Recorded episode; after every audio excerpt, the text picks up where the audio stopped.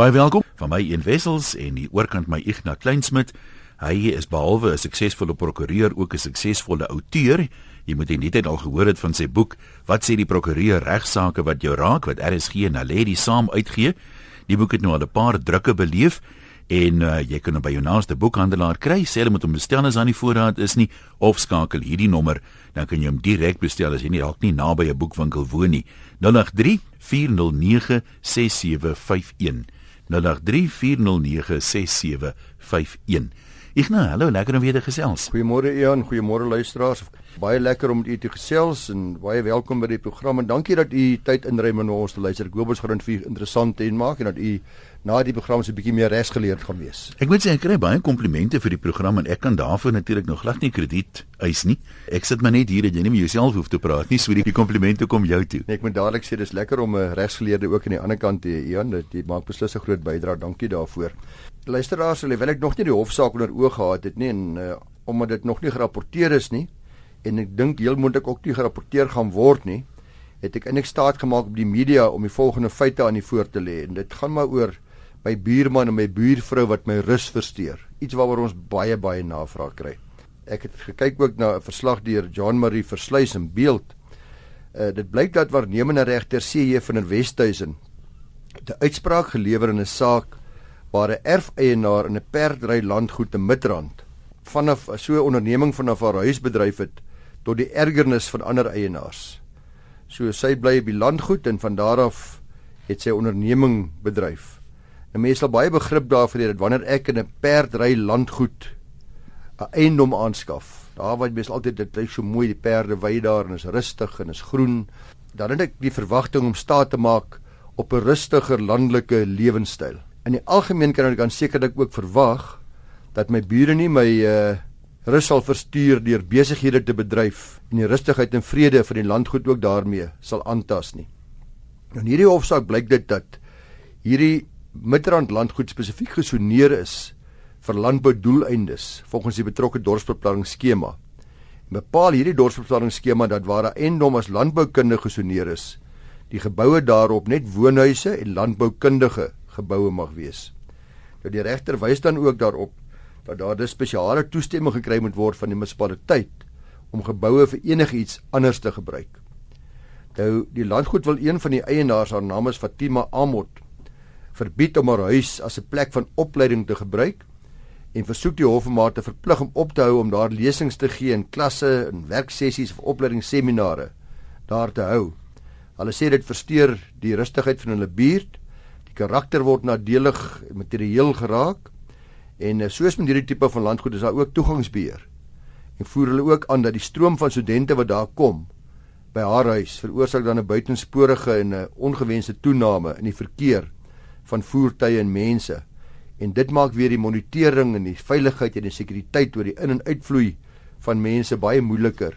Mevrou Amot het weer aangevoer dat sy bedryf 'n baie baie klein tuisonderneming dat haar aktiwiteite geensins die die woonbuurt op enige manier steur nie en dat die klaarste maar oorsensitief is.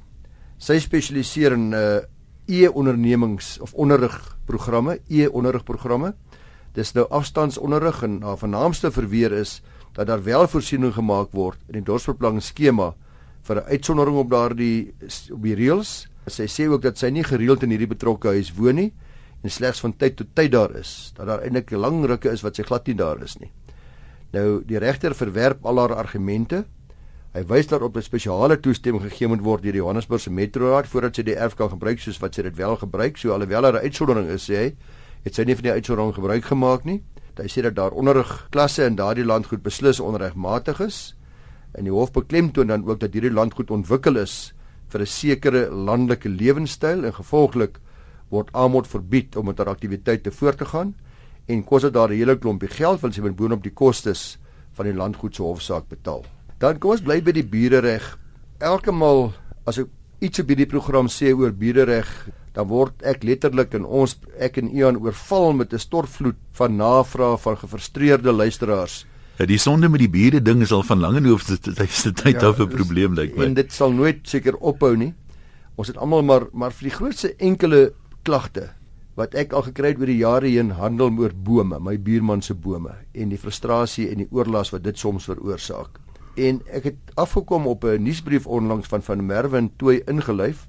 Hulle is prokureurs daar in Pretoria wat 'n baie baie oulike opsomming het van die regsposisie met betrekking tot bome met die goedkeuring van my kollegas wil ek baie graag hulle nuusbrief amper net so aanhaal. Die opskrif is: Is jy tussen die boom en die bas? met jou buurman se bome. Hoe lyk die mooi B B B? Ja, die alliterasie. Die bome in die bas met jou buurman se bome. Jou buurman het 'n paar jaar gelede ry bome teen julle skeidingsmuur geplant. Nou is die bome groot en takke en blare val gereeld in jou swembad, laat jou reënwaterdreinering opdam ensovoorts. Verder begin die wortels nie net julle skeidingsmuur lig nie, maar ook die plaveisel rondom jou swembad. Wat staan jou nou te doen? moet jy maar self inspring en die wortels begin verwyder voordat jou swembad ook skade kry. Dis 'n algemene beginsel in ons reg dat 'n grondeienaar of 'n regmatige bewoner van daardie grond geregtig is om daardie eiendom te gebruik en te geniet met voorbou dat sodanige gebruik en genot nie onnodige of onredelike skade of ongemak vir jou buurman moet veroorsaak nie. 'n Eienaar kan dus bome op sy eiendom plant, maar as algemene reël mag daardie bome dus nie inmeng met die buurman se gebruik en genot van sy eiendom of vir jou buurman dan skade veroorsaak nie. Nou wanneer 'n mens dan of jou eie enige eienaar dan jou bome plant naby 'n skeidingsmuur, dan spreek dit nou van self as jy na hierdie regsposisie kyk dat daar 'n plig is op so 'n planter van bome op of die eienaar van daardie perseel om te verseker dat ek my boom so moet onderhou sodat dit nie 'n oorlas word of 'n skade vir my buurman of my buurvrou kan veroorsaak nie. Dink jy nie met die goed Ignas dat mense as hulle die boom plant, dink ook nie ver genoeg vooruit nie. Dis 'n klein plantjie as jy hom plant en hulle maak nie genoeg voorsiening vir jy weet naby 'n muur byvoorbeeld nie. Ek het al baie gesien 10 jaar later nou staan daai boom die hele wêreld vol en dink 'n mens maar hy's ooglopend te naby geplant aan 'n ja. muur of wat ook al die storie is. Ek meen weet mense dink nie altyd ver genoeg vorentoe wat gaan gebeur oor 10 jaar of langer as die boom nog groot is nie. Dis 100% reg, dit gebeur met ons almal, ons ook groot bome te naby mekaar plant. Nou die een ja, boom die ander een. Ek het dit self ook gedoen. Ek het dit self ook al ondervind. En soos jy sê, jou eie muur word beskadig omdat jy soms jou afstande nie reg het nie. Maar wanneer dit kom by bome en na die skaar wat ons nou van praat, die oorlas, dan verwys van der Merwe en Tooi na drie hoofgroepe waarna gekyk word. Hulle sê die eerste sal wees waar die takke oorhang vanaf die aangrensende eiendom. In hierdie geval is die eienaar wat daardeur benadeel word geregtig om die buureienaar te versoek om daardie takke te verwyder. Belangrik want dit is 'n vraag wat ek al voorheen bespreek het oor die jare heen wat nog steeds gereeld klagtes is. Sou die buureienaar nie reageer nie. Die hele gedagte is hier sodat alles reg bokant my, vertikaal bokant my erf, behoort aan my. En as jou takke daar kom oorhang, as ek nou op in die hemel reguit opkyk en jou takke hang op my eiendom, dan is daardie eiendom eintlik ook myne daardie lug daar bokant my eiendom en dan kan ek van jou vra om daardie takke te verwyder. Sou die bure eie daar nou nie positief reageer op my versoek nie binne redelike tyd nie, dan sal ek as benadeelde eienaar geregtig wees om 'n verwyderingsbevel aan te vra vanaf die hof dat uh, of of ek sal kan die takke self verwyder en die koste daarvan van die bure eienaar verhaal. Dan word ek een van daai twee keuses. Die benadeelde eienaar is egter nie geregtig om hierdie takke vir homself te hou nie. So kom ons sê nou maar daar's baie keer dat natuurlik 'n konvrugte ook dalk aan nê wat nog aan die tak vassit. Behalwe met die toestemming van die buurman nie of 'n klomp goeie brandhout dalk vuurmakhout. So as ek dit wel self sou verwyder, dan kan ek vir die buurman sê buurman ek gaan hy goed afkap. Kan ek dit maar die hout vir myself hou, maar ek moet dan met die toestemming van my buurman kan ek dit hou andersins natuurlik behoort in die buurt, maar die benadeelde eienaar kan ook saam met die verwyderingsbevel vra vir 'n bevel vir die bewydering van toekomstige oorhangende bome. Want ek kan nou al sê, hof, dit gaan weer oor die jaar so wees. Hierdie boom groei 'n meter of 2 ja, jaar. Ja. So kan ek sommer nou al toestemming kry om dit te doen in die toekoms. As as jy nie die vrugte wil hou nie of die hout wil hou nie. Ja. Maar jy sny, jy sê net nou vir jou buurman ek gaan hierdie takke wat oorhang afsny.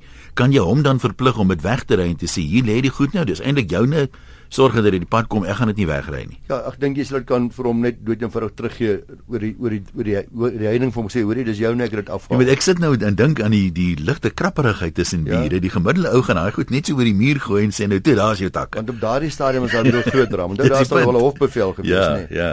Uh die ander ding, onthou nou ek het nou gepraat van vrugte, maar ek het gepraat van vrugte wat nog vas is aan aan aan die boom. Toe as jy hom skud. Nou, ja, nou wat gebeur nou die, die tweede geval is die geval van blare of vrugte van bome op jou grense en om wat afval.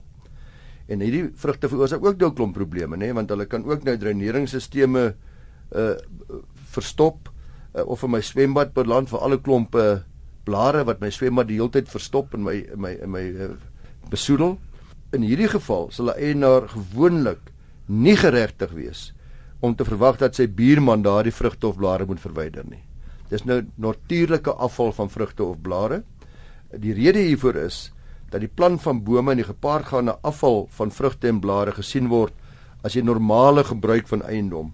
En die skade wat veroorsaak word deur die verstopping van dreine en pompe kan nou nie geëis word nie. Sien dat ons hoewe van mening is dat hierdie tipe skade vermy kan word deur die gereelde skoonmaak daarvan deur 'n eienaar. So ek kan dit beperk of deur gereeld die blare maar weg te vat, die vrugte gereeld te laat optel of natuurlik om jou hangende takke te laat afkap soos ja. nou vroeër al reeds gesê het, te laat verwyder. Die derde groep, dit is ook 'n ding wat die grootste skade veroorsaak, is die wortels. Waar die wortels van 'n aangrensende eiendom uh, skade veroorsaak aan 'n skeidingsmuur, plaveisel of selfs die aangrensende eiendom se fondamente selfs beskadig. Daar kan die eienaar self die wortels afkap en as die stap onsuksesvol is, kan hy die hof nader en vra dat sy buurman die boom moet verwyder en 'n vergoedingsbevel vir skade gelei aanvra. So luister nou mooi. U mag nie skelm in die nag gaan en die boom gaan vergiftig nie. Dit is nie wat u mag doen nie. U moet die wortels waar dit in jou deur jou grens kom, op daardie punt van jou grens kan jy dit self afkap. En as dit dan nog steeds nie die gewenste effek het nie, dan soos in daardie geval uh kan jy die hof nader natuurlik as jou buurman nou net daardie ja wil is en vra dat uh, hy die die bome moet verwyder of en ook 'n vergoedingsbevel vra vir skade wat jy gaan ly as jy dit nie doen nie. Nou ons howe is nou baie belangrik. Is dit eens dat die toets wat toegepas moet word om vas te stel of bome oorlas is. Ek het nou die algemene beginsels vir u gegee. Mm -hmm. Maar nou is daar 'n sekere toets wat mens moet gaan kyk of wat werklik of die skade voorkombaar is of nie en of wat skade veroorsaak is 'n objektiewe redelikheidstoets. Die toets vereis die opweeg van die belange van beide partye in die lig van die omringende omstandighede. Daar sal altyd gekyk word na die een party se plig om tot 'n redelike mate die oorlas te verdra en die ander party se reg tot die redelike gebruik en genot van sy eiendom. Uh dit is sodat wanneer dit by jou bure kom, 'n mens natuurlik nie op toon wil traf nie. Goeie buurmanskap is so belangrik. Jy kyk elke hmm. dag in hulle gesigte vas. Jy wil elke dag 'n vriendelike groet daarmee en jy wil nie die hele tyd vyandskap hê nie. En jy wil terug met almal van ons wil ons eiendom geniet sonder om verplig te wees om skade te betaal wat deur die buurman se bome veroorsaak is. En die beste raad is om altyd maar sulke probleme op te los en ek, ek kan dit nie oorgenoeg beklemtoon nie. Deur op 'n hoffelike manier jou buurman te nader, sê buurman man kom kyk hier, kom ek wys vir jou. Dis wat gebeur. Kom ons maak 'n plan. Kan ons dit doen of kan ons dat doen, maar as daar geen ander oplossing is nie, is dit belangrik om te weet dat jy wel regte het wat beskerm en op en afgedwing kan word. Maar die belangrike deel is die opweging van belange. Daar's sulke oulike sake waar die hof die belange al opgeweeg het. Te sê, wie jy het 'n groot koelteboom. Dis jou enigste boom. Daaronder het jy jou teeplekjie waar jy sit en tee drink in die middag. Dis waar jy net jou lewe geniet. Daardie boom veroorsaak dat die son nie op my buurman se venster mooi skyn waar hy wil graag sit in die stoep, die sonnetjie wil hom bak nie of daar op sy stoepie nie. Nou moet nou in daai geval is dit duidelik. Die buurman kan nie verwag ek moet my boom verwyder omdat hy nou nie altyd son op die regte plek het op 'n sekere plekie waar hy graag wil sit en terwyl die boom vir my 'n mooi boom is, is my boom is op my erf en ek benut die boom baie goed. En dis die soort van opweging van belange, ligte wat skyn, dieselfde.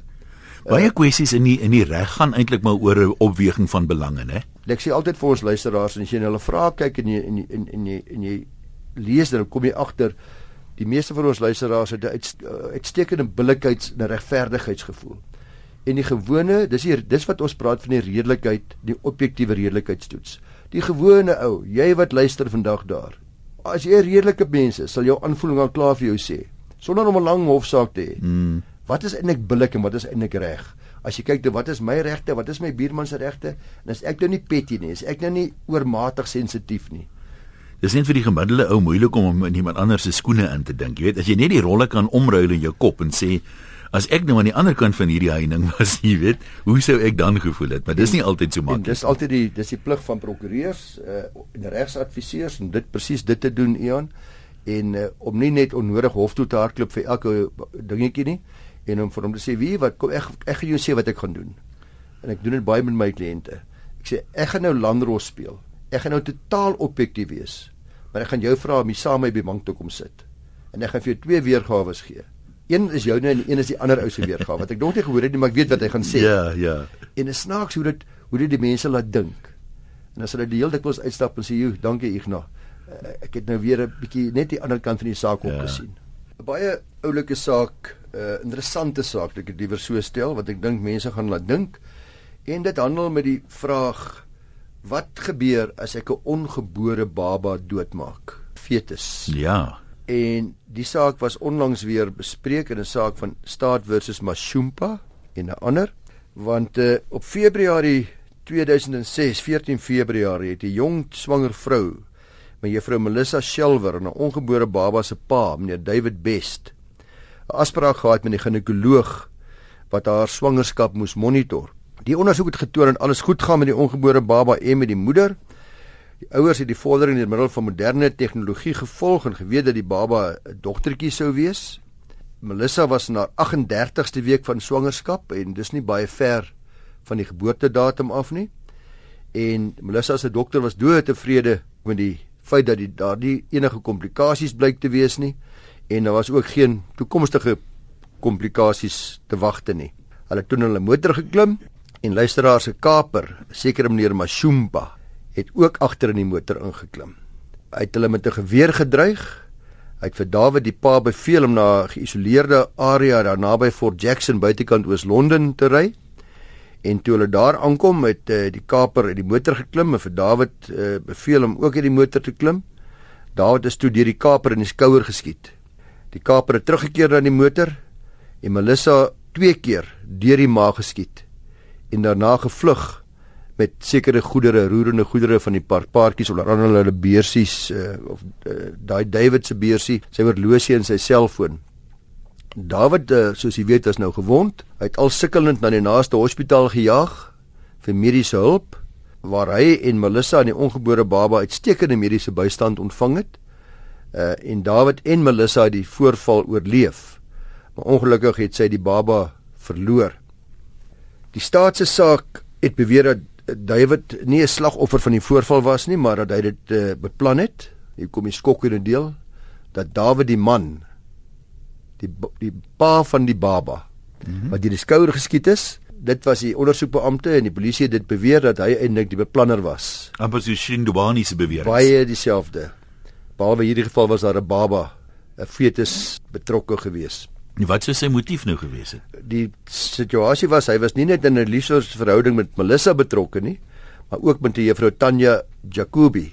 So daar was 'n derde party betrokke. Die derde party, die ander dame in sy lewe het nie geweet dat hy 'n verhouding met Melissa is nie en en toe eers later dit uitgevind en toe ek uitgevind dat uh, Melissa swanger is. Mm. So nou kan jy sien die draas nou groot drama ja, in hierdie ja. prentjie en hierdie storieetjie. Nou David het alles ontken en aan Tanya gesê dat hy nie die pa is nie.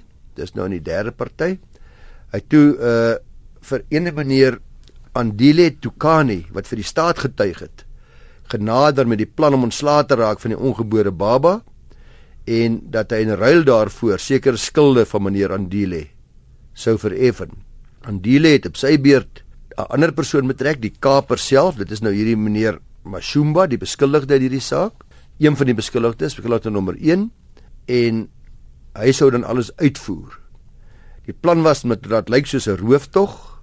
David was sou deur die skouer geskiet word om soos 'n slagoffer te lyk.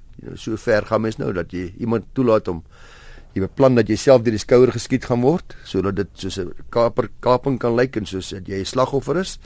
Daar was ook beplan om Melissa nie dood te skiet nie, maar daar net deur die maag te skiet om sodoende ontslae te raak van die ongebore baba en die gedagte dat Melissa self sou oorleef. Dit was die hele plan gewees. Dit het soos dit uit die getuienis gebleik het. Die vraag aan die hof wat die hof moes vra afgesien nou van al die ander feite wat hier so feite bevindinge wat gemaak moet word en die getuienis wat oorweeg moes word is of die doodmaak van 'n ongebore baba deur die Kaper moord daarstel. Dis die regsvraag luisteraars. Want die definisie van moord is die wederregtelike en opsetlike veroorsaking van die dood van 'n ander mens.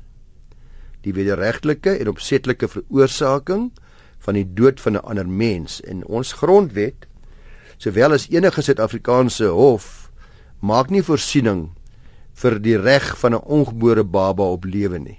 Daarom met 'n ongebore baba fetus nie reg op lewe nie en is die vraag nou wie doodmaak van 'n ongebore baba dan gesien kan word as moord. Anderswoorde is 'n ongebore baba 'n mens. Nou die howe kan ook nie die definisie van moord uitbrei nie.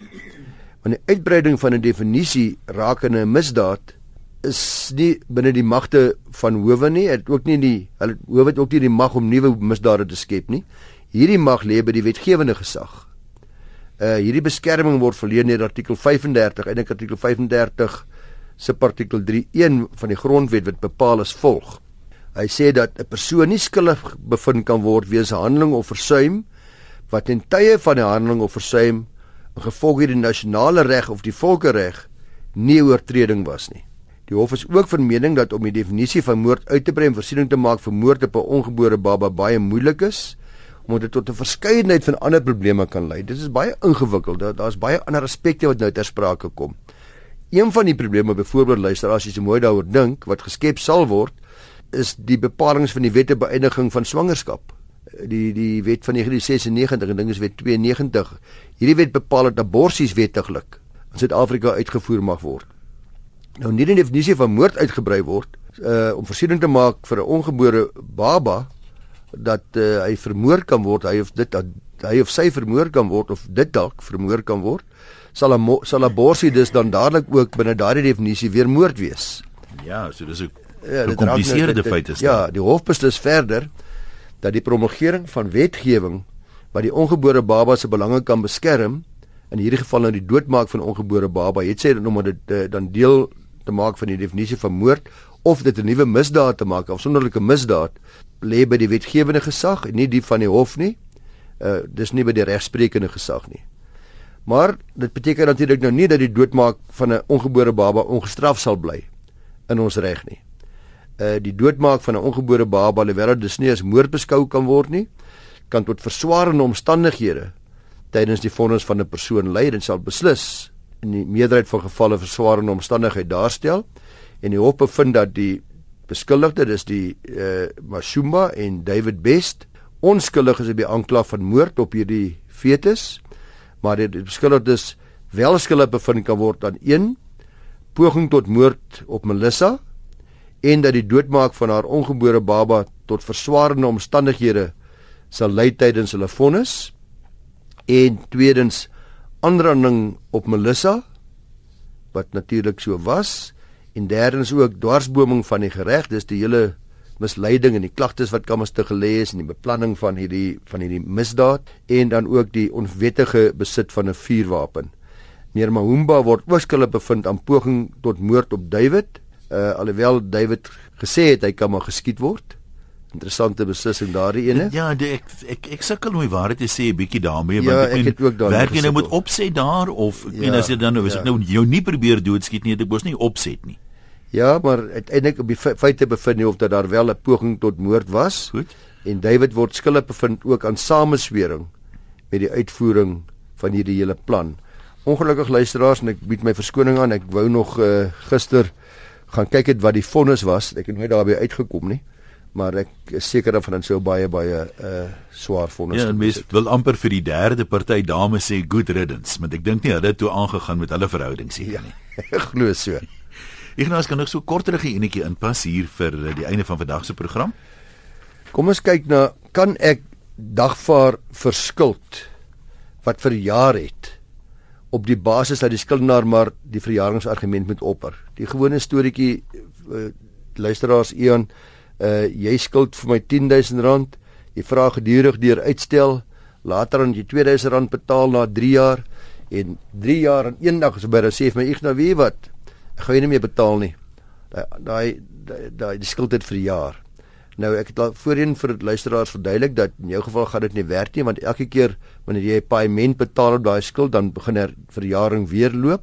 Maar kom ons sê nou maar jy het my vir 3 jaar glad nie betaal nie omdat ek die hele tyd vir jou goed is en vir jou uitstel gee, dan kan jy na 3 jaar vir my sê, jammer ek nou die skuld het verjaar en dis die einde daarvan. Maar baie keer sal ek in daardie omstandighede waar daar 3 of 4 jaar verby is vir jou dagvaar. Ja, of ten minste 'n paar aanmaningsbriewe skryf. Ja, of jou dagvaar want ek ek hoop jy gaan nie weet van verjaring nie. Jy's mos nou nie 'n prokureur of 'n regsgeleerde nie. Ja, en jou kop skuld jy by nog die geld 5 of 6 of 7 of 8 jaar later en ek dagvaar jou en jy kom maar weer na my toe. Jy sê ag Ignas asseblief, kan ek nie maar hierdie maand net 1000 betaal en dan R500 'n maand nie, jy weet die SAIK betaal nie baie goed nie of Maar daai 250. In elk geval, dit was die posisie tot nou toe. Dit was totdat die nasionale kredietwysigingswet op Vrydag 20 Maart hierdie jaar gepubliseer is. Sommige nou die dag. Nou die dag. Tot dan het dit dikwels gebeur dat daar regstrappe ingestel is teen skuldenaars terwyl die eis reeds vir jare die gevolge die bepalinge van die verjaringswetgewing. So ek sê mense hoop dan maar hy betaal omdat hy onbewus is daarvan. Op hierdie wyse het dit dus gebeur dat heelwat eise wat verjaar het, wel nog deur skuldeisers gevorder is. Nou ten opsigte van die oorgrootste meerderheid van eisoorsake vir jare eis na 3 jaar vanaf die data waar die skuldenaar geweet het of redelikerwys moes geweet het dat daar 'n eis teen hom bestaan en dat dit opeisbaar is. In daardie 3 jaar moes daar dan geen skulderkenning gewees het skriftelik of mondelings nie. Daar moes ook nie dagvaarding uitgereik gewees het of enige belofte vir betaling gedoen gewees het nie. Maar die, nuwe wet, die nuwe bepaling, die wysiging aan die nasionale kredietwysigingswet het hierdie situasie nou dramaties gewysig.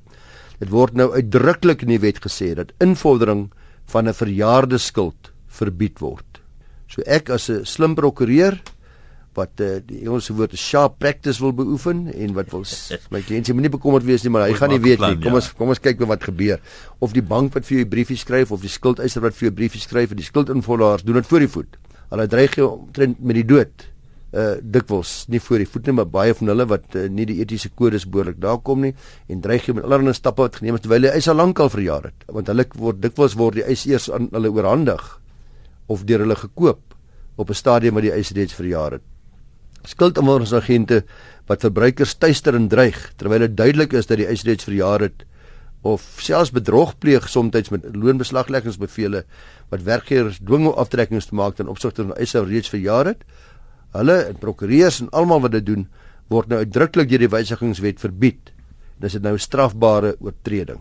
Baie belangrik, die wysigingswet plaas ook 'n verbod op die koop van sulke verjaarde kredietooreenkomste. So luisteraars, eh, wees nou maar gewaarsku as u transaksie val binne die bepalinge van daardie wet, dan kan u nie meer doen wat u tot nou toe gedoen het nie en skuldenare u daar buite wat weet dat die eis vir die jaar het en dat die wonder wanneer gaan u nou nog aangemaan word, u kan nou ontspan. Uh u mag nie meer gedagvaar word nie. Daai ontspanne noot is die einde van vandag se regsaake soos gewoonlik moontlik gemaak deur die prokureursorde van Suid-Afrika.